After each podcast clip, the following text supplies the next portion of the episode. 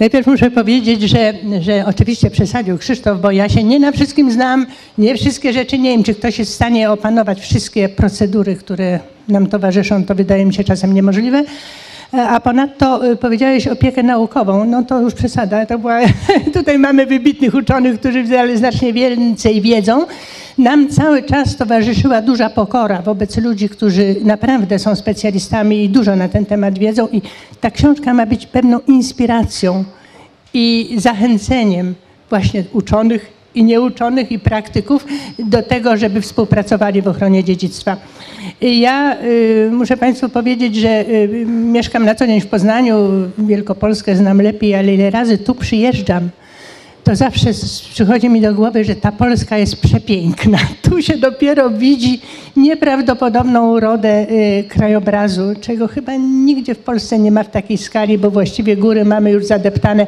No życzę Państwu tylko, żeby nie zadeptali Wam Waszego regionu. Y, ale przechodzę już do, y, do swojego tematu. Ja mam zaprezentować krótko tą książkę. My mamy na to, każdy z nas wykładowców ma bardzo mało czasu, 20 minut, czyli ja przejdę bardzo szybko, właściwie zasygnalizuję problemy, które Państwo tam znajdziecie. Jaki był cel książki? Celem książki było z jednej strony kontynuowanie tego, co się znalazło jakby w pierwszym tomie. Państwu znana jest ta książeczka, pewnie każde miejsce opowiada swoją historię.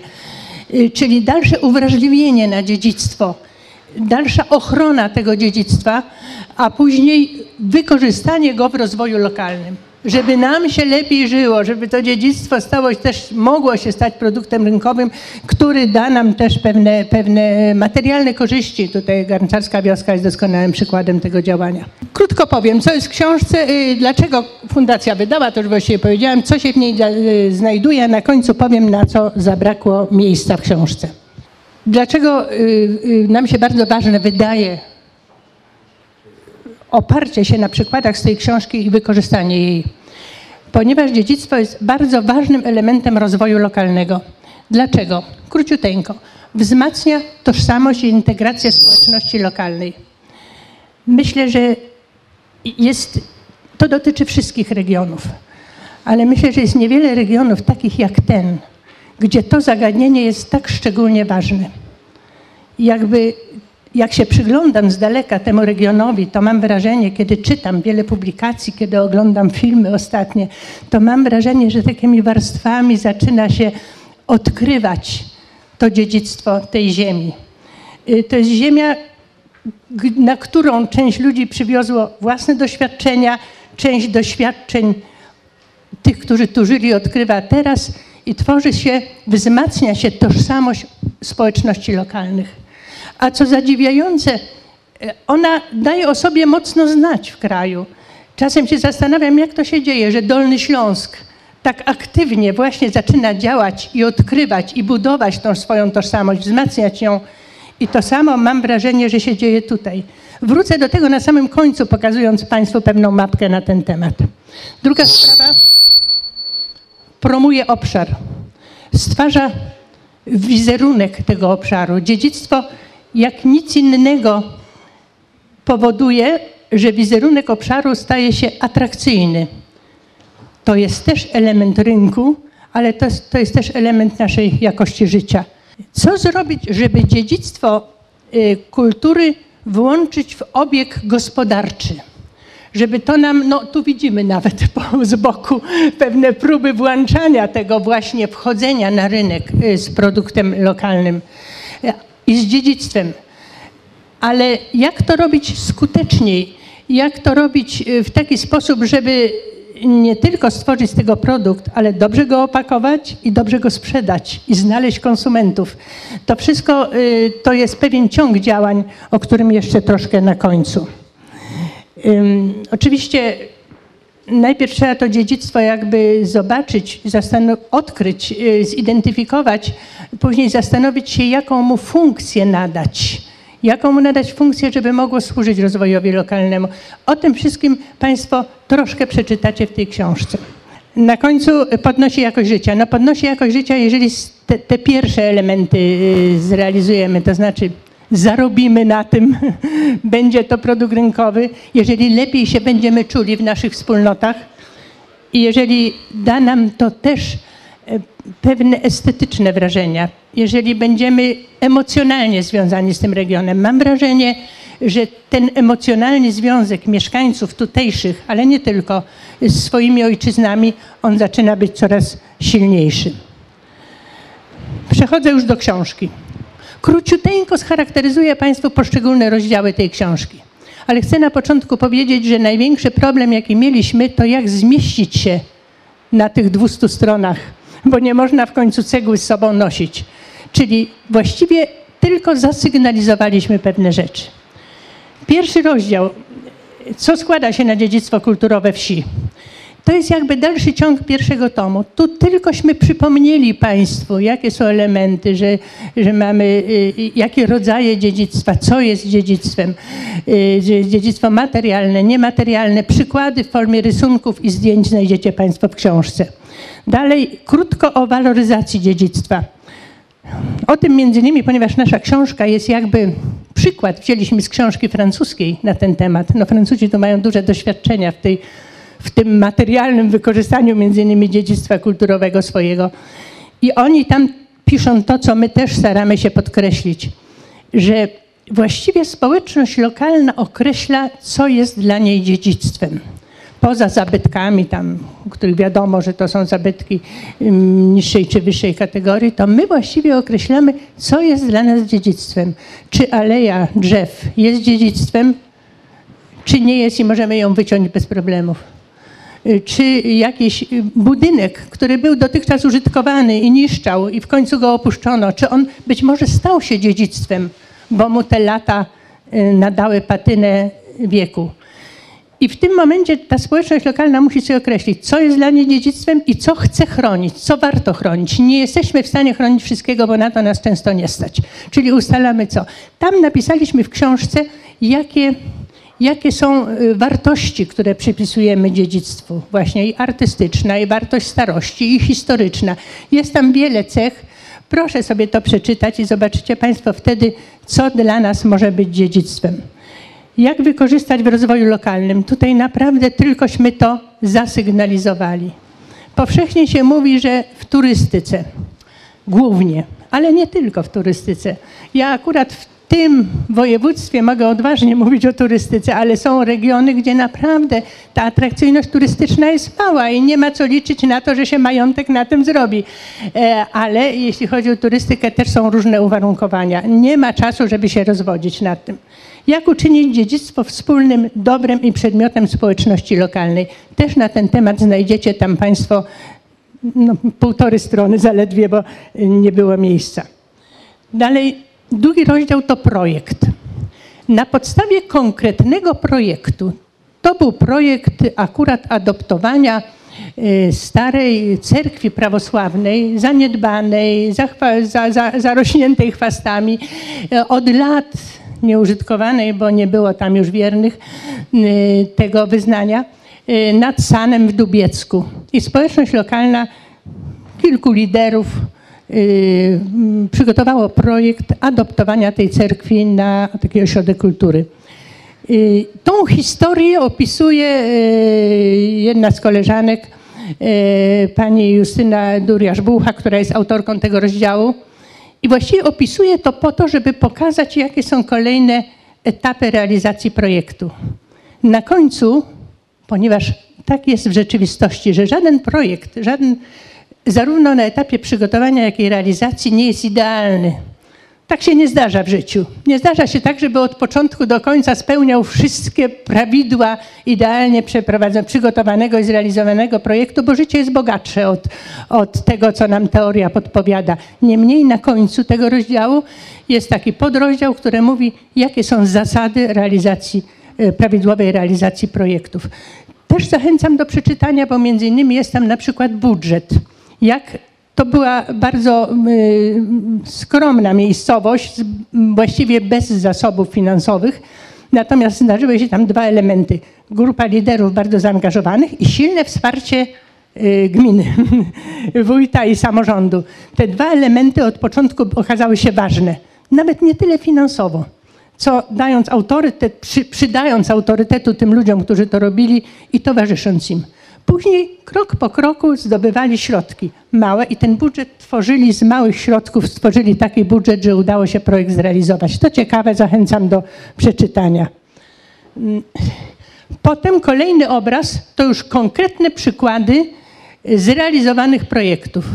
Projektów zrealizowanych w ciągu ostatnich 20 mniej więcej lat z poszczególnych takich y, działów. Myśmy to podzielili na takie działy, y, szczególnie jeśli chodzi właściwie wszędzie na początku kilka zdań y, autorzy piszą na temat tego zagadnienia, dlaczego jest ważne i jakie elementy tutaj należy szczególnie brać pod uwagę. Przy krajobrazie i architekturze jeszcze autor tam dodał główne elementy sprzyjające realizacji, ale też utrudniające realizację tych projektów. Myśmy się starali w tych przykładach, które są znów tylko zasygnalizowane, staraliśmy się podać takie elementy, jak kto był inicjatorem, y, króciutko o co chodziło w projekcie, jakie dał efekty, kto współpracował przy realizacji, jak się dało, to też koszty, nie wszędzie dało się je wszystkie określić. Y, I właściwie to wszystko na końcu adres internetowy. Także jeżeli któryś z projektów Państwa zainteresuje, będziecie chcieli y, pojechać, dowiedzieć się, y, to po prostu wystarczy tam się z nimi skomunikować. I to dotyczy wszystkich po kolei tych rozdziałów. No, tradycje rzemieślnicze i przemysłowe opracowywał pan Krzysztof Margol, także to, to nawet tutaj Państwu będzie stosunkowo bliskie. Będzie też z nami, nie wiem czy już jest pani Izabela Byszewska, która opracowała rolnictwo i rybołówstwo. No i na końcu pan y, Krystian Połomski dzisiaj powie nam kilka zdań na temat ostatniego działu Rodzina, Sąsiedztwo i Wspólnota. Y, kolejny rozdział to uwarunkowania prawne i instytucjonalne. To jest najbardziej nudny, bym powiedziała, najbardziej uciążliwy w czytaniu rozdział, ale niezmiernie ważny przy realizacji projektów. Dlatego, że jeżeli tutaj nie będziemy mieli rozeznania w przepisach dotyczących y, zarówno zabytków y, materialnych, jak i przyrodniczych, jak i wszystkich uwarunkowań związanych z ochroną zabytków, y, z konserwacją i restauracją tych zabytków, no to wtedy możemy popełnić błędy, które nam mogą nawet w jakimś momencie bardzo przeszkodzić w realizacji projektu.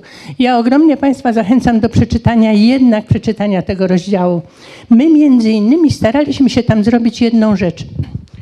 Wypisać też instytucje, które mogłyby, mogą być że nie powiem, powinny być przydatne, powinny służyć radą państwu w realizacji tych projektów i w rozeznaniu tych wszystkich prawnych zawiłości.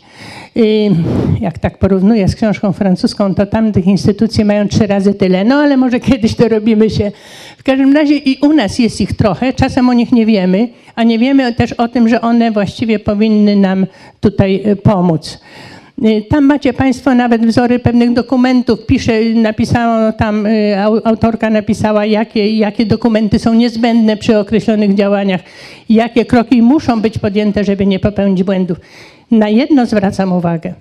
Y, to wszystko, co piszemy, jest aktualne na dzisiaj. Nawet bym powiedziała na rok temu, kiedy książka wyszła. W Polsce zmienia się prawo, zmienia się, bym powiedziała, czasem za szybko, żebyśmy się mogli w tym pozbierać. Zmieniają się nazwy instytucji. Także proszę nie traktować tego jako Biblię, ale, ale jest to podstawa jakby działania. Jeżeli się coś zmieni, to zawsze przed ostateczną realizacją trzeba sprawdzić, czy to jest aktualne. To jest, jak mówię, aktualne na dzisiaj. I ostatni rozdział, źródła finansowania projektów. Znów podzielone na źródła prywatne, źródła publiczne.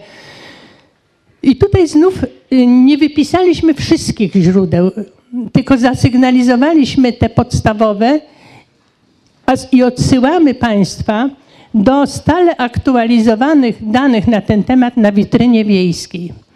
To się na tyle szybko zmienia, że jak Państwo będziecie realizowali projekt za, za, za kilka miesięcy czy za rok, to może się okazać, że jedno źródło wyschło, a drugie się urodziło.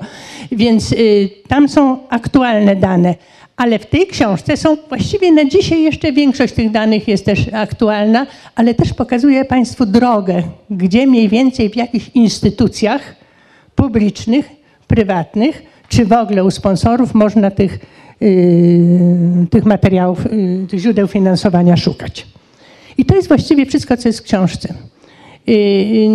Żebyście się Państwo nie rozczarowali, że rzeczywiście staramy się tam sygnalizować pewne rzeczy. One nie są szeroko rozwinięte, bo na to nie było miejsca, ale pisane językiem staraliśmy się maksymalnie przyjaznym, zrozumiałym, pozbawionych tym proceduralnej otoczki.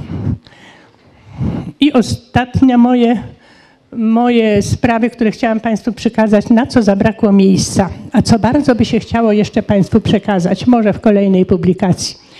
Szersze ukazanie dziedzictwa jako produktu rynkowego, który może tworzyć miejsca pracy, dodatkowe dochody dla mieszkańców.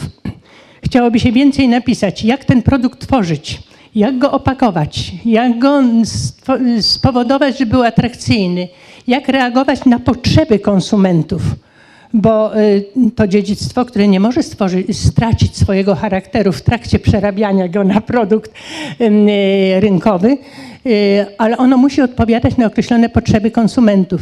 I na przykład ostatnio opowiadali mi koledzy w Wielkopolsce, że, że, że pani, która zajmuje się haftem, dogadała się z, z specjalistą od tworzenia kreacji ślubnych, i w tej chwili przygotowują i sprzedają właśnie suknie ślubne z haftem regionalnym. I to się stało dość atrakcyjnym e, produktem rynkowym, czyli jest tam element tego dziedzictwa i jest element odkrycie tej potrzeby na rynku.